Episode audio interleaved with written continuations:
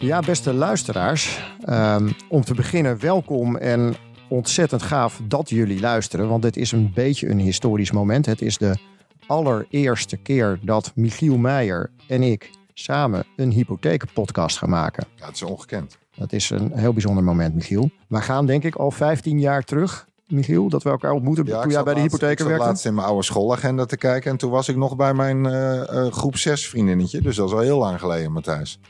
Ja, dames en heren, uh, voordat u ehm, niet weet wie wij zijn. Michiel Meijer is natuurlijk de algemeen directeur van Van Brugge Adviesgroep. Um, daarnaast een, een begenadigd spreker en congresvoorzitter, dagvoorzitter op hypotheekcongressen. Um, voormalig ABN AMRO uh, en de hypotheker.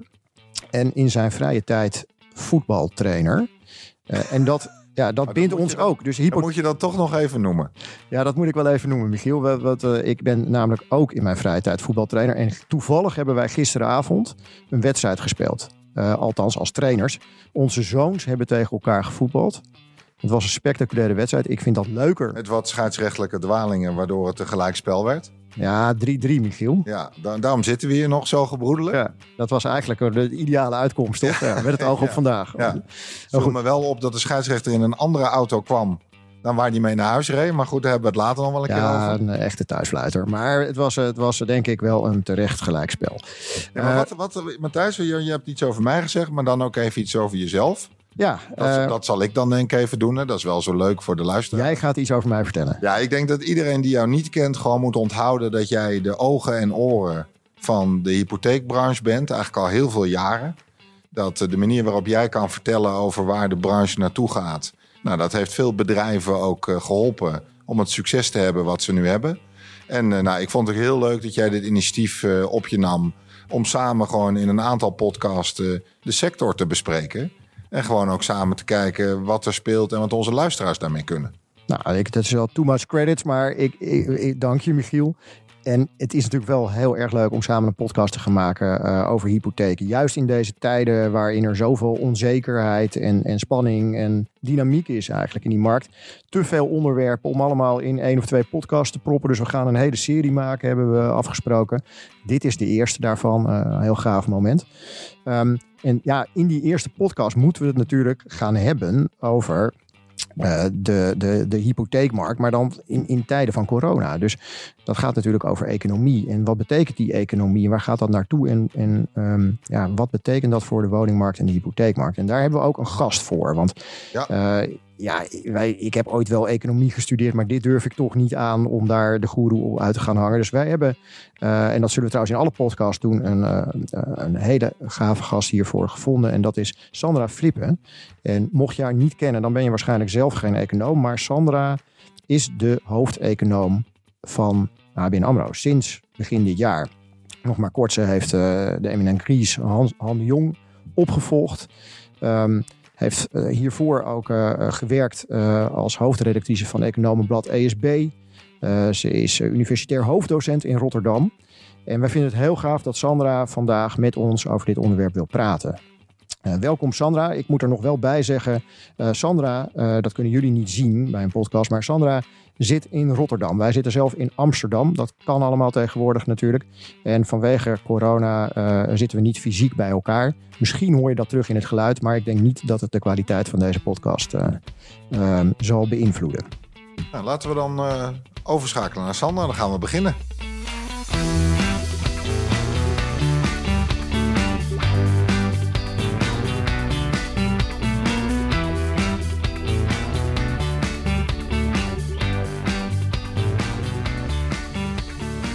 Even Sandra, welkom um, bij, uh, bij onze allereerste hypothekenpodcast. Um, echt gaaf dat je er bent. Uh, ja. ja. ik zei het net al, je, je bent, uh, je bent volgens mij sinds een jaar chief economist, hoofdeconoom bij ABN AMRO. Is dat, klopt dat? 2019, toch? Nee, Nee, sinds, eigenlijk sinds 1 januari uh, 2020 oh, nog... is, is Han de Jong weg en heb ik het overgenomen. En ik wou jou vragen van hoe kijk je nou terug op je eerste jaar? Maar dat is eigenlijk een beetje een voorbarige vraag dan, want het jaar is nog niet eens voorbij. Nee, hoe kijk ik terug op mijn eerste zes maanden? Ja, nogal turbulent.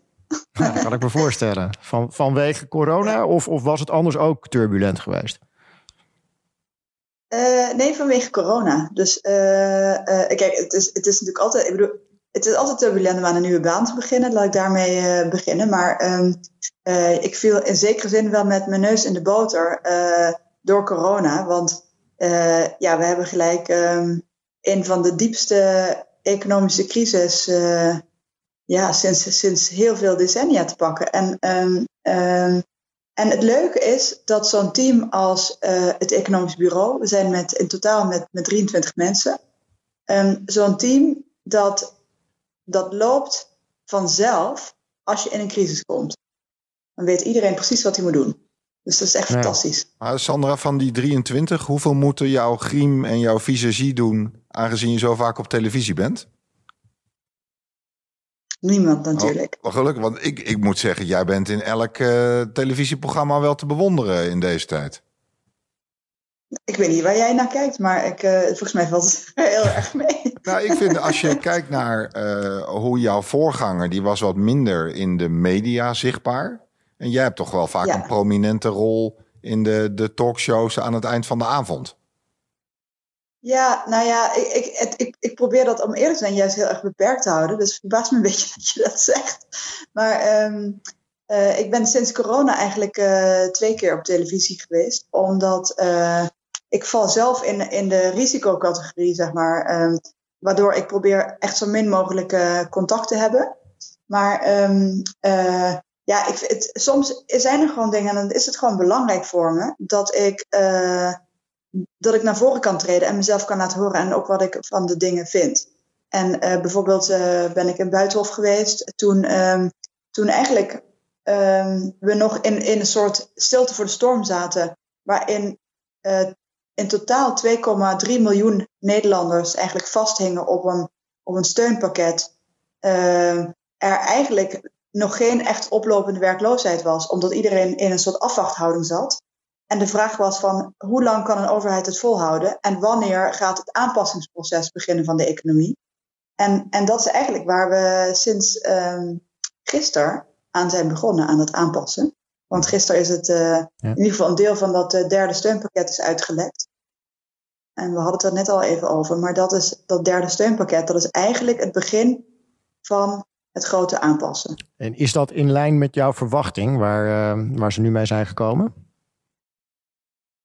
Uh, ja, dat is in lijn met, uh, het is eigenlijk in lijn met ons basisscenario, um, wat eigenlijk uitgaat van um, nou, dat het virus weliswaar opvlamt her en der, maar niet leidt tot een dermate grote tweede golf, waardoor we in een nieuwe na, nationale lockdown, generieke lockdown nodig zouden hebben, dat, dat niet. En um, zolang dat zo is, hadden we inderdaad verwacht dat de overheid zeg maar eigenlijk van de liquiditeitsfase, noem je dat als econoom, naar de solvabiliteitsfase gaat. En de liquiditeitsfase is dat ja, geld moet blijven vloeien, zeg maar. Dat, dat, dat is de overheid voornaamste doel. En de tweede fase is dat het ook gaat om het verdienvermogen van uh, ondernemingen. En uh, ja, daar is dus nu heel veel discussie over. Van uh, wat voor type economische activiteiten heeft ofwel in deze anderhalf meter economie, mm. maar soms ook structureel daarna, heeft eigenlijk een verdienvermogen. En wat is dan de rol om um, bedrijven die dat verdienvermogen niet of nauwelijks hebben, om die nog overeind te houden? Ja, en hoe, hoe zie jij dat? Dat is ook een hele interessante opmerking. Hè? Um, ik heb soms het gevoel dat we alles en iedereen proberen te redden op dit moment. Maar hoe kijk jij daar tegenaan? Ja, ik vind het een hele lastige kwestie. Ik denk dat um, Kijk, de, de, de insteek van het kabinet is nu om uh, de zwaarst getroffen uh, sectoren en, en, en, bedrijven zeg maar, te redden, te steunen. Uh, maar zoals ik begrepen, maar goed, dat moet allemaal nog bevestigd worden. Wat ik heb begrepen is dat een andere, wat toch wel nieuwe insteek is ook, dat gekeken wordt naar um, van, van, los van of, ze, of bedrijven door corona geraakt zijn, um, hoe zit het met het structurele veranderde verdienvermogen? En dat is natuurlijk een hele interessante vraag, maar ook een hele moeilijke. Want wie weet welk verdienvermogen nu toekomst heeft nadat het vaccin er is. Want dat is waar je het dan over hebt. Ja. Uh, en we hebben natuurlijk een aantal structuurverschuivingen die door deze hele eigenlijk conjunctuur, zeg maar, het was een epidemiologische crisis, een conjunctuurcrisis daarna. Maar wat er eigenlijk doorheen speelt, is toch ook een aantal structuurverschuivingen. Um, denk bijvoorbeeld aan het feit dat, dat uh, consumptie massaal gedigitaliseerd is in Nederland. En ook toen de economieën weer open gingen, dat heel veel van, dat, die, van die digitale consumptie niet terug is gegaan naar uh, offline. Dus niet terug is gegaan naar de winkelstraat. Ja, kan je, kan, je dat, al, kan, je, kan je dat al hard zeggen? Zeg maar? Want ik, ik, tegelijkertijd zie ik, als ik gewoon naar het menselijk gedrag kijk, het lijkt wel alsof iedereen zo snel mogelijk weer terug wil naar het oude normaal. Dat gevoel heb ik ook. Zo gauw het weer mag, gaan we allemaal weer doen wat we altijd deden. Zijn er dan echt wel structuurverschuivingen? Kan je dat nu al zeggen? Ja, dat is. Dat, ik, nee, nou, zeker kun je niks zeggen in deze tijd. Dat wil ik uh, zeker. Uh, dat, dat is zeker waar. Ik denk alleen wel dat als je um, alleen kijkt naar je eigen observaties. En ik begrijp heel goed dat mensen dat doen, dat jij dat dus ook doet.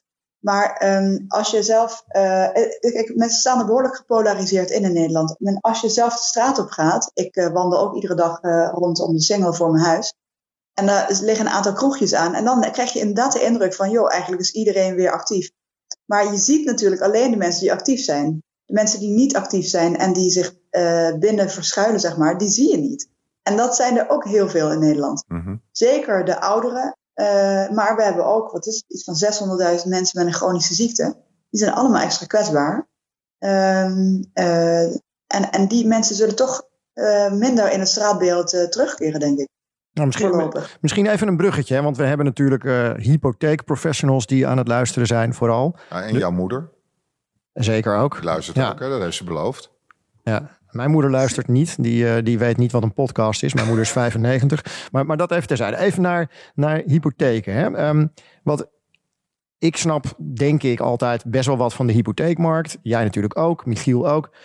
Maar wat ik echt niet begreep, in eerste instantie is hoe kan het nou dat we uh, economische crisis hebben door, ik geloof, 10% krimp, ongekend in, in Europa.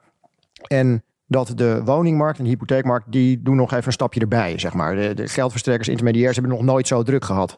Michiel... Uh, ja. is ongekend. is ongekend. Ja. En, en Michiel kan dat bevestigen uh, vanuit, vanuit Van Brugge adviesgroep. Niemand heeft er ooit zo druk gehad. Hoe kan dat nou? En het gaat ook gewoon weer door. Ook deze week weer topcijfers. Hoe kan jij ja. dat verklaren? Of ben je ook verbaasd? Nee, ik ben daar niet, niet direct verbaasd over. Um, uh, ik, maar ik snap wel dat het heel erg tegen de intuïtie ingaat. Um, wat er, kijk, dus, dus zoals je deze crisis eigenlijk moet voorstellen, is bijna alsof er een soort tijdelijke uh, pauzeknop van alle economische activiteiten, zullen we zeggen, eventjes extreem gezegd, is ingedrukt. Um, dat betekent dat productie een stuk lager ligt, consumptie lager ligt, mensen minder naar hun werk gaan, uh, transport uh, stil ligt. Nou goed, dat was lockdown, het, de hoogtepunt van het virus. Nou, op, op zo'n moment, kijk, wat, wat is BBP? BBP is het totaal aan wat een land produceert in een jaar.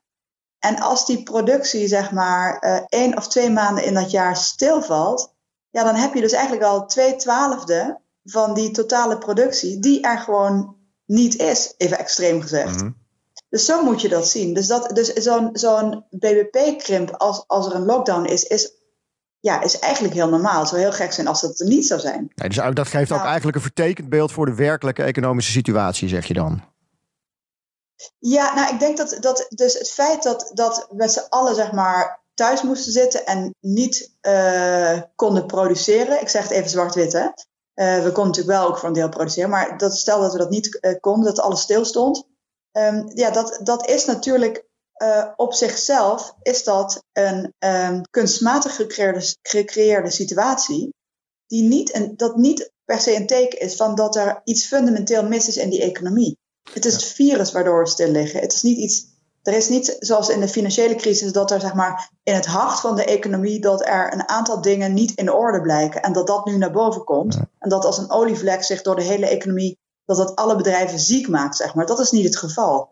Het is echt Sandra, iets exogeens, iets van buitenaf. Wat ik, Ja. zelf, wat ik zelf meer verwacht had, hè, omdat er natuurlijk heel veel ja, uh, angst en pessimisme ook op de televisie over je heen gestort werd, had ik zelf eigenlijk verwacht dat er veel sneller ook een enorme deuk in het consumentenvertrouwen zou komen.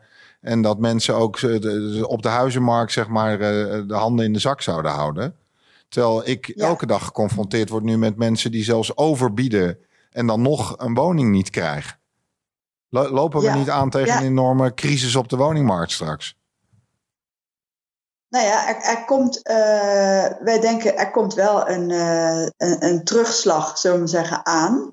Um, alleen heeft dat, de, kijk, de vertaling naar de woningmarkt, uh, die is traditioneel altijd een heel stuk later. Dus um, je hebt altijd een soort van een vertraging van zo'n zes maanden, misschien wel langer, voordat dit soort ontwikkelingen op de woningmarkt doorcijpelt.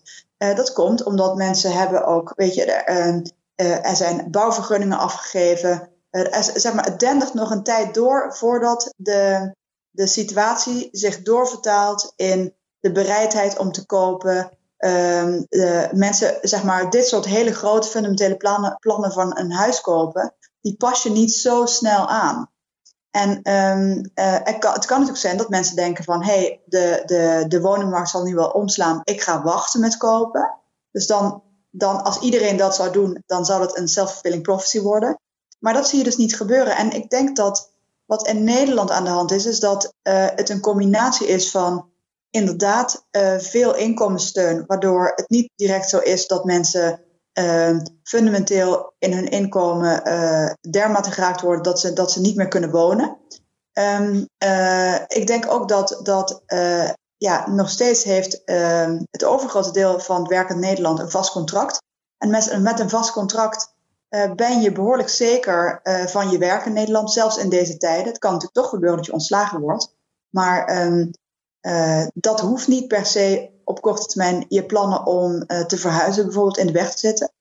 Maar wat nog veel sterker speelt, is dat natuurlijk um, de rente extreem laag is en nog een tijd lang laag blijft waardoor um, het, het aangaan van, van een hypotheek ontzettend voordelig is.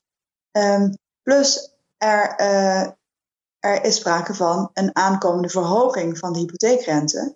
En dat is natuurlijk een, een moment waarop mensen denken: ik ga nog even snel een hypotheek afsluiten. En daarom zien we ook heel veel um, vraag naar hypotheken. Ja, dus je ziet inderdaad over, oversluitingen. Dat is een, een, een, belangrijke factor ook natuurlijk in de, in de groei van de hypotheekmarkt die we nu zien. Dus dat is een van de, van de dingen ben het wel met Michiel eens. Vertrouwen is er blijkbaar nog wel. Hè, want ook de woningtransacties gaan gewoon door. Met, met prijsstijgingen erbij en, en overbiedingen, uh, et cetera. je hoeft in de um, grote steden nog steeds niet aan te komen met uh, onder de vraagprijs bieden. Op de meeste woningen. Nee, dat klopt. En dat, ja, en dat is, en de, de, want het, het laatste, maar iets wat gewoon al heel lang speelt, is natuurlijk nog steeds enorme krapte in het aanbod. Ja. Er is gewoon uh, heel weinig aanbod. En, en, en, en ja, dat, dat gaat die dingen, al die dingen bij elkaar, dat zijn allemaal stutters, zeg maar, voor die prijs. Um, dus ik, uh, dus het, ik ben zelf niet verbaasd dat die prijs, uh, dat het nog, nog een hele tijd duurt voordat hij zich gaat aanpassen. Maar je zei maar net het wel. is natuurlijk wel dat het consumentenvertrouwen, wat jullie even noemden, dat is natuurlijk nu wel aan dalen. Dat zie je wel. Ja. Ook in de woningmarkt. Ja. ja. En, en, want je zei het net eigenlijk tussen de regels door al, dus daar wil ik heel even op doorgaan. Maar je, je zei, wij verwachten wel dat het wel wat zal gaan dalen. Hè? Je zegt, er zit een vertragingseffect in. Zagen volgens mij trouwens ook in, in, in 2008, hè, toen Lehman Brothers omviel. Uh, nou, toen dacht ook iedereen de woningmarkt zakt nu meteen in. Dat is eigenlijk niet meteen gebeurd. Hè. Ik geloof dat het dieptepunt pas in 2013 lag. Uh, dus je bent vanaf daar heel langzaam weggegleden. En dat kwam ook wat later op gang. Dus misschien gaat dat nu ook wel gebeuren, dacht ik. Uh, maar hoe zien jullie ja. dat bij ABN AMRO? Ja, en misschien dat, dat, dat je dat ook even kan relateren aan jullie scenario's? Ja, dat wilde ik inderdaad even doen. Ik heb, uh, we, hebben, we, um, we hebben in principe, uh, nou, we hebben meer, heel veel scenario's gemaakt, maar twee relevante scenario's hier zijn het scenario voor um, als er een tweede golf komt en een nieuwe lockdown. En het scenario wat.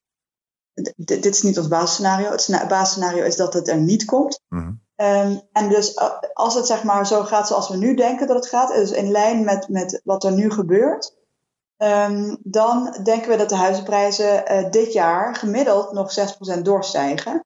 En pas volgend jaar met 2% gaan, uh, gaan krimpen. En dan in 22 3% en daarna pas weer uh, terug naar nul en dan weer gaan stijgen.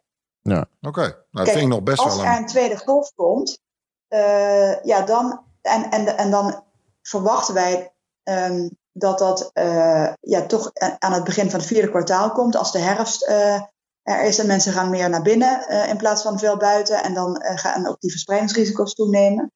Um, dan, um, ja, dan, dan zal de, zeg maar, er toch een soort onrust of ja, misschien wel paniek zal dan toch kunnen postvatten op de Nederlandse consument. En dan zien we dat, dat de huizenprijsstijging voor 2020 naar verwachting uh, op 4% eindigt in 2020. Nog steeds positief, omdat we natuurlijk heel veel uh, prijsstijging hebben gezien in, in de maanden uh, voorafgaand. die hebben we al achter, die hebben we al achter de rug, die hebben we al in de pocket, zeg maar. Ja, ja. Die hebben in de pocket. Dus voor het gemiddelde, dus ja, dat is puur statistisch natuurlijk. Maar voor het gemiddelde dempt dat gewoon het cijfer. Um, of tenminste, dempt dat in positieve zin.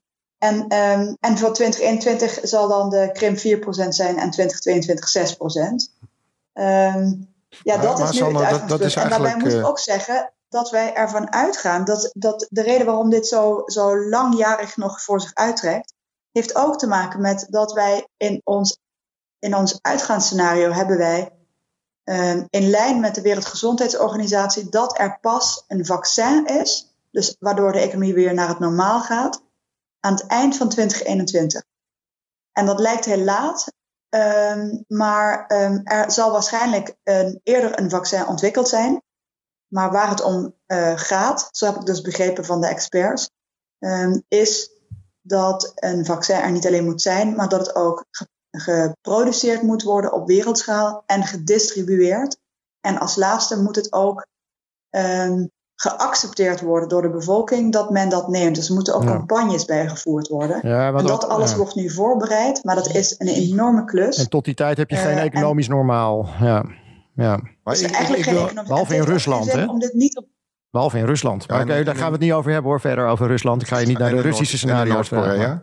Maar goed, daar even, even helemaal terug, Sandra, naar jouw um, uitspraken over de woningmarkt. Hè? Kijk, ik, uh, er luisteren ook veel hypotheekadviseurs. Nou, ik ben er zelf een. En ik word elke dag geconfronteerd met klanten die uh, in een biedingsproces zitten. En eigenlijk hun eigen grens met de dag oprekken. Omdat ze anders gewoon niet in aanmerking komen voor een woning. Wat, wat zou jij die mensen nou adviseren? Want die betalen nu ver boven de vraagprijzen. En eigenlijk uh, lopen we daarmee denk ik wel een enorm risico naar de toekomst toe. Als die mensen gaan scheiden de komende jaren, toch van hun huis af moeten. Wat, wat zou jouw advies zijn? Ja, dat vind ik echt heel lastig. Ik vind, ik, zeg maar, individueel advies, daar ben ik echt een beetje huiverig voor. Want uh, het hangt natuurlijk echt enorm af van de individuele omstandigheden. En dat, dat kun je niet overbrengen als je een, als je een generiek advies geeft. Um, maar ja, het, uh, het, ik denk wel dat het belangrijk is dat je uh, probeert om uh, alleen te bieden um, met een bedrag dat in lijn is met de echte onderliggende waarde van het pand waar je de hypotheek op hebt. Mm -hmm. um, ja, dat klinkt super algemeen, maar ik, um, ik denk dat dat, dat dat is en dat blijft gewoon wezenlijk. Um, want, want kijk, we weten uit de, uit de uh, financiële crisis inderdaad die zijn dieptepunt in 2013, 2014 had tijdens de dubbele dip. Dat, um, dat uh, het grote punt is dat, dat de, de, de duurste huizen eigenlijk het uh, hardst naar beneden vallen en ook het eerst vallen.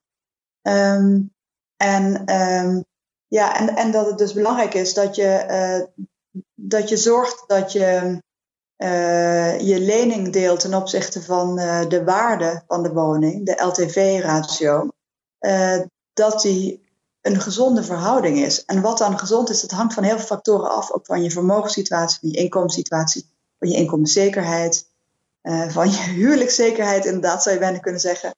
Um, maar dus daar wil ik geen uitspraak over doen. Maar ik denk wel dat, dat de, de verhouding tussen eh, lening en waarde echt cruciaal is. Nee, maar, maar dan, dan toch hè, in, die, in die scenario's die je net noemde, hè, dus ook in het basisscenario verwacht je wel dat de woningmarkt wat gaat terugvallen uh, uh, uiteindelijk. Als je dan nou, stel je dus voor, je bent starter nu in die woningmarkt. Dus je, je, je, je woont nog bij je ouders of je huurt, maar je, je wil gaan kopen. Is dit niet een heel erg slecht moment dan om nu te gaan kopen? Nee, dat denk ik niet, omdat de, de starterswoningen op zichzelf um, de woningen zijn die, die ehm, eh, meestal toch wel wat aan de onderkant van de woningmarkt zitten. En dat zijn niet de woningen die het eerst en het hardst geraakt worden tijdens een, een, een crisis die overstaat op de woningmarkt. Dus, ehm, en daarbij, ja, dus dat, dat, is een, dat wil ik toch weer benadrukken, want het is uiteindelijk persoonlijke afweging. En um, een starter, die, um, die komt ergens vandaan en die wil niet voor niets heel graag uh, op zichzelf wonen. Dus je, of iets dan een goede keuze is of niet. En um, kijk, de, misschien is er een financieel risico, maar dat kan ook heel goed opwegen tegen uh, de, de, de voordelen van die beslissing. En, en die kunnen heel persoonlijk zijn. Ja, wonen is meer dan een rationeel economische beslissing, zeg jij als econoom eigenlijk. Ja. ja. ja. ja. Hey, nu, nu we het dan toch heel even over, nu het toch eh, niks met corona te maken, maar hoe we het uh, nou nu toch even over starters hebben. Um, daar is natuurlijk heel veel over te zeggen en gezegd. Um, de positie van starters op die woningmarkt. Hoe kijken jullie daar nou als ABN AMRO tegenaan? Hè? Je hebt het net ook al even gehad over de schaarste op de woningmarkt. Zeker in, de, in, dat, in dat segment. De toegankelijkheid voor starters is dus wel een van de problemen waar we structureel mee te maken hebben. Wat zou je daarover ja. over kunnen zeggen? Hoe kijken jullie daar tegenaan?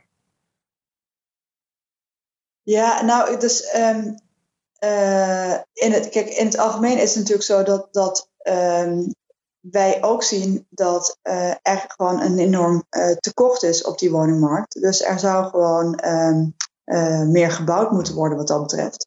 Maar, die vooruitzichten zijn niet heel positief, las ik in het FD vorige week. De, de bouwvergunningen voor de komende jaren en wat er opgeleverd wordt, gaat hard achteruit. Ja, en dat is niet in de laatste plaats ook te danken aan het stikstofprobleem. Ja. Um, wat natuurlijk ook nog als een molensteen om onze nek hangt. Laten we dat alsjeblieft niet vergeten. Um, kijk, weet je specifiek wat, wat onze uh, positie en, en, en standpunt is ten aanzien van de startersproblematiek uh, en hoe we die op moeten lossen?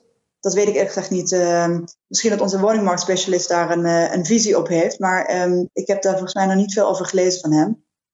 Um, dus dat, dat, weet ik niet. Ik denk wel dat, dat uh, ja, er zijn een aantal problemen die door elkaar heen spelen. Uh, en in zekere zin zou je bijna kunnen zeggen dat als een deel van de vraag wegvalt door een economische crisis, uh, dat het aanbodtekort um, en, en de vraagterugval elkaar weer in een soort van evenwicht zou kunnen brengen. Um, en, en dan speelt inderdaad ook nog op de achtergrond de stikstofcrisis. Mm. Ja. wat dat betreft kijk ik dus heel erg uit naar, uh, naar Prinsjesdag. Want ik hoop dat het kabinet dan uh, een keuze maakt over um, het rapport van de commissie Remkes. Wat echt vergaande aanbevelingen heeft gedaan over um, hoe we met die stikstofproblematiek eigenlijk in brede zin uh, in, in onze economie en samenleving moeten omgaan. Nou is mij altijd geleerd dat hoop uitgestelde teleurstelling is. Dus ik, ik, ik, vrees toch ook wel weer dat, omdat het kabinet heel veel andere dingen. Dat jou verteld heeft. Ja, mijn oma, maar dan laten we daar niet op ingaan, want die is. Uh, maar dat, dat het een soort van uh, verwachting is die weer niet gaat komen. En dat we dus met de problematiek blijven zitten dat de bouw en het opleveren van nieuwe woningen uiteindelijk gewoon nog verder stilvalt. Um, ja, ik denk alleen dat, dat volgens mij heeft uh, het kabinet uh, al plannen liggen. Dus helemaal uh, niet aanpakken is volgens mij niet aan de orde. Um, de vraag is alleen of wat de commissie Remke zegt, namelijk veel meer een soort totaaloplossing, een soort holistische aanpak van, van, van kringlooplandbouw, meer biodiversiteit, beschermen van natuurgebied, andere manieren van bouwen. Uh, nou goed, dus hebben ook allerlei uh, meetinstrumenten hebben ze voorgesteld om dat allemaal uh, heel specifiek op locatie, locatiegericht in kaart te brengen. Zodat ook, econo um, zodat ook economische bouwactiviteiten bijvoorbeeld of infrastructuur, um, die misschien veel minder stikstofdepositie genereert, zeg maar, dan, dan met, met grove meetmethodes wordt gemeten, dat die gewoon wel doorgang kunnen vinden. Um, en tegelijkertijd natuurlijk ook zal daar subsidie moeten zijn voor, voor andere manieren van uh, produceren, inclusief de bouw. Um, ja, waardoor we wel ook een perspectief blijven houden over hoe we wel door kunnen bouwen. Want, want uh, niet door kunnen bouwen is, ja, dat zou echt een drama zijn. Mm -hmm. hoe kan je misschien nog een indruk maken, hoe groot is dat woningprobleem nou echt? Hè? En hoe bereken je zoiets, vraag ik me altijd af. Hoe weten we nou hoeveel woningen er tekort zijn in Nederland? Ja, dus uh, dat, onze woningmarktspecialist is Philip Bokelo. En hij, um, ja, hij, hij heeft um, nou, tientallen datasets uh, die hij binnentrekt over um, van kadaster, van, van nou goed, van, van, ik zal geen dataproviders noemen, maar hij, hij kijkt gewoon naar, ja, naar allerlei micro-informatie van, van woningen die er te koop staan, woningen die er in aanbouw zijn mensen die verhuizen, demografische factoren, leeftijdsveranderingen, statistieken van scheiding. ja, dat, dat zijn allerlei informatiebrokjes zeg maar, die hij meeneemt. Ja. En nog, nog even concreet voor de hypotheekadviseur. Hè? Want we hebben wellicht duizenden hypotheekadviseurs die naar deze podcast luisteren. En, en die horen jou eigenlijk zeggen van nou, de hypotheekrente die blijft voorlopig op het niveau nou, waarop die nu zitten, een enkele stijging of een daling uh, daar gelaten. Er blijft in ieder geval de komende kwartalen nog schaarste in de markt. Dus de adviseurs die blijven het met oversluiters, senioren, de starter die wel een woning kan uh, bemachtigen, die blijven er nog druk krijgen, lijkt het wel. Zie jij dat ook zo? Ja, kijk, dus het, het, het ja, of zij druk kunnen blijven krijgen, dat, uh, dat weet ik eerlijk gezegd niet. Want uh, kijk, het is natuurlijk één factor wat de kosten zijn van het kopen van een woning.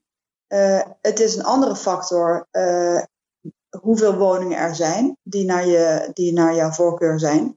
En de derde factor is natuurlijk wat jou eigenlijk, wat, wat jou, hoe jouw eigen inkomen en betaalbaarheid zich ontwikkelt.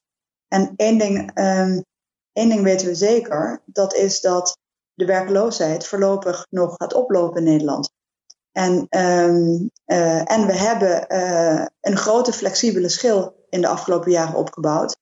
En die flexibele schil, dat zijn toch de mensen die als eerste uh, hun baan verliezen meestal. En dat verwachten we nu ook dat het gaat gebeuren. Heb je dat zo paraat? Sorry dat ik je onderbreek, Sanna, maar heb je dat toevallig paraat? Hè? Want we hebben het inderdaad nog niet over werkloosheid en dan uiteindelijk weer defaults en zo gehad. Maar, maar waar, um, waar gaat dat naartoe in dat basisscenario? Ja, wij denken dat dat richting de, ja, richting de zomer van 2021, dus volgend jaar, zal dat pieken rond de 7 procent. Uh, ter vergelijking we zitten nu op zo'n uh, 3,6, ja. uh, misschien inmiddels 4. Ja, er zijn honderdduizenden dus, extra werklozen dan. Ja, dat kan ja. niet anders. Ja, ja, we hebben in totaal hebben we 7,5 miljoen werkenden. Ehm, daarvan zijn er 1 miljoen in een flexibele schil en, en ehm, anderhalf miljoen. En de, en de, even, grof, hè, kan zijn dat een wat naast zit. Maar um, dus het, overgrote deel heeft een, een vaste baan. Maar ook hier zien we dat de verwachting ook is dat het aantal faillissementen toch zal gaan toenemen. Zeker uh, zolang het virus zich een soort van, soort van gedijst houdt. Uh, waardoor de overheid de maatregelen gaat afbouwen uh, ter bescherming van getroffen sectoren. En dan zie je dus dat de faillissementen toenemen. En dan zijn dus ook de vaste contracten um, niet veilig in die getroffen sectoren voor uh, een faillissement. Maar worden faillissementen dan de en belangrijkste. Sorry, eh, ga, eh, maak je punt maar even af, want ik onderbrak je. Ja, nou kijk, dus, dus um, uh, zeggen, in eerste instantie is dus de, de maatregelen die we nu zien, die gisteren uh, zijn uitgelekt. Daarvan is duidelijk dat het signaal is, de eerste 30% van je omzetverlies moet de ondernemer zelf dragen uh, door in zijn kosten te snijden. En dat kan hij doen door zijn uh, personeelskosten te reduceren, door mensen te ontslaan. Kan die doen door minder te investeren. Kan die doen door minder winst uit te keren. Nou, en, en dan nog een aantal andere kostenposten die die kan reduceren. Maar um, elk van die posten heeft uiteindelijk een effect op economische groei. Niet alleen als, kijk, als je nu je, je flexibele personeel ontslaat, dan staan die mensen op straat, hebben die geen inkomen, kunnen ook geen hypotheek afsluiten. Um, maar de, um, uh, als bedrijven nu massaal stoppen met investeren, ja, dan heeft dat ook op de langere termijn weer een doorwerkeffect. Want investeringen zijn een van de belangrijkste drijvers voor lange termijn economische groei. En zonder die groei hebben we weer meer werkloosheid. Dus ik, dat ik zijn, moet zeggen, Sandra, als, uh, als ondernemer hè, uh, voelt dat ook heel dubbel. Aan de ene kant vind ik het heel logisch dat bedrijven die, die geen buffer hebben, dat die gewoon een deel zelf. Ja, je moet gewoon als ondernemer ook kunnen anticiperen op wat er gebeurt. En ik had bij de eerste twee steunpakketten wel heel erg het gevoel dat we iedereen wilden redden. Ook de bedrijven die eigenlijk al eh, voor de crisis in de problemen zaten, die gingen we ook helpen. Uh, wat vind jij daarvan? Zijn we daarin niet doorgeslagen? Nou, ik denk dat, kijk, wat, wat het kabinet in eerste instantie heeft gedaan, is heel snel gehandeld. Um, want als, uh, ook al zijn er bedrijven die, zeg maar, onterecht gestut zijn, uh, als die uh, in één keer zouden omvallen, dan kan dat een domino-effect teweegbrengen, waardoor ook in principe gezonde bedrijven omvallen. Dat wil de overheid voorkomen. Ja, en dan moet je snel handelen. En dan heb je dus geen tijd om precies uit te zoeken wat is het verdienmodel achter deze bedrijven. Maar ik, ik, ik, waar ik mezelf wel zorgen over maak, is of we nu niet een beetje te snel gaan met het afbouwen van de steunmaatregelen. Want um, ik denk dat, dat het heel moeilijk is, ook voor een overheid. En ik vraag me echt af in hoeverre ze dat daadwerkelijk echt op een rij hebben. Um, in hoeverre je het onderscheid al kan maken tussen uh, bedrijven die uh, ook na het vaccin zeg maar geen verdienmodel hebben. Ja, maar dat, en dat bedrijven natuurlijk... die dat gewoon straks wel hebben. Want ik zie eigenlijk geen reden om, om bedrijven um, niet te steunen. Al zij het in afgesloten mate, om bedrijven niet te steunen. Um, als zij gewoon als er eigenlijk geen reden is om aan te nemen dat zij na het vaccin niet gewoon een gezond verdienmodel hebben. Nee. Maar dat, dat is hmm. natuurlijk. We moeten overigens wel langzaam naar een afronding toe. Want ik merk dat we uren met jou door kunnen praten. Maar we moeten langzaam wel naar een, naar een einde toe. Hè? En als je dan naar, naar onze sector kijkt en naar hypotheekadviseurs, dan was er natuurlijk een enorme angst rondom de lockdown dat adviseurs nou, hun klanten niet meer zouden kunnen zien of zouden fysiek zouden kunnen spreken. Maar bijna alle adviseurs zijn omgegaan naar digitaal adviseren, advies op afstand. En ik had eerlijk gezegd op voorhand nooit gedacht dat dat zo'n soepele overgang zou geven. Dus hoe kun je nou als kabinet voorspellen welke sector wel mee kan in de anderhalve meter afstand economie en welke niet? Dit hadden wij ook nooit gedacht als adviseurs. Nee, Nee, kijk, weet je, dus ik, ik verbaas me daar eerlijk gezegd ook over. En, ik, en um, ik maak, dat is ook wel iets waar ik me zorgen over maak. Wij, ik, ik praat veel met de ministeries uh, op achtergrondbasis. Uh, en wat wij bijvoorbeeld doen, dat is misschien wel leuk om te zeggen.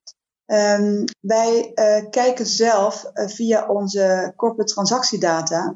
Kijken wij niet op individueel klantniveau, maar um, op, op op, uh, ja, dat heb ik toch even gezegd. Heel goed, ja. Maar, Voordat we bij Radar zitten maandag. Ja, precies. Kijk, kijken, kijken wij naar, naar de, de mate waarin de omzetverliezen voor groepen klanten, waarop die um, gemanaged wordt eigenlijk door kostenreductie. En we zien ook in welke mate uh, een steunmaatregel, als bijvoorbeeld een, een TOZO of een NOW-regeling of, een, of een, een, de TOGS voor de getroffen sectoren, in welke mate die steunmaatregelen cruciaal zijn voor het in balans houden van de omzetreductie en de kostenreductie.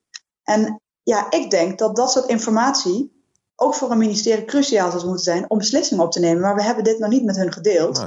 Hmm. Um, en toch hebben ze die beslissing kunnen nemen. Dus ik, ik, vraag me af waar ze zich op baseren. Nou, ik, dat, is wel, dat is nog wel even spannend dan, ja. Nou, misschien moeten we daar in een van onze volgende podcasts uh, met het ministerie erbij aandacht aan besteden. Ja, dus super dat je mee wilde werken, Sandra. Ik, uh, ja, de tijd vliegt voorbij. Ja. Ik had nog honderd vragen. Michiel had er nog een, een, stuk of 30, 40 achteraan kunnen stellen, denk ik. Uh, maar we moeten gewoon stoppen. helaas is het zo. En we, we pakken nog wel een keer de draad op met je in een, in een andere podcast in de toekomst. heel graag. Dus ontzettend bedankt. En jullie moeten een keer, um, jullie moeten uh, Philip een keer uitnodigen, want hij weet echt alles van de Nederlandse hypotheekmarkt. Dat gaan we zeker doen. Kijk, dus, hey, dankjewel. Super.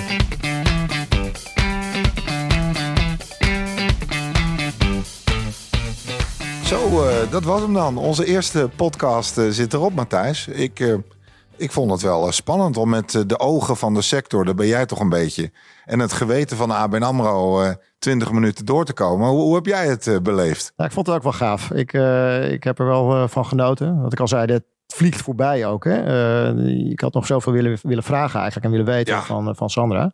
Ik had nog, uh, ik kreeg appjes binnen, allerlei hypotheekadviseurs die vragen wilden stellen, maar dat ging natuurlijk niet. Nee, nee. Maar we gaan hiermee door. Hè? Dit, ja, dit, dit, dit, smaakt naar meer, Michiel. Vind Absoluut. ik ook. Dit, dus, we... Laten we dan ook vast bekendmaken dat onze volgende podcast, die gaat over duurzaamheid. Die gaan we opnemen met, met Jeroen Pels. Nou, wie anders als Jeroen kan iets over duurzaamheid vertellen. Jeroen Pels van Triodos Bank. Ja, die, die, dat is ook echt gaaf dat hij wil meewerken. De Jeroen Pels van Triodos Bank. De Jeroen Pels van Die is er gewoon bij. Dus ik denk dat we iedereen gewoon weer uitnodigen... om ook de tweede podcast uh, met ons te beleven. En uh, nou ja, die, uh, die staat snel online. En niet te vergeten, vergeet niet deze podcast te delen met iedereen die je kent... die zich hypotheekprofessional durft ja, te noemen. Ja, want dit wil je niet meer missen. Nee, dat kan niet.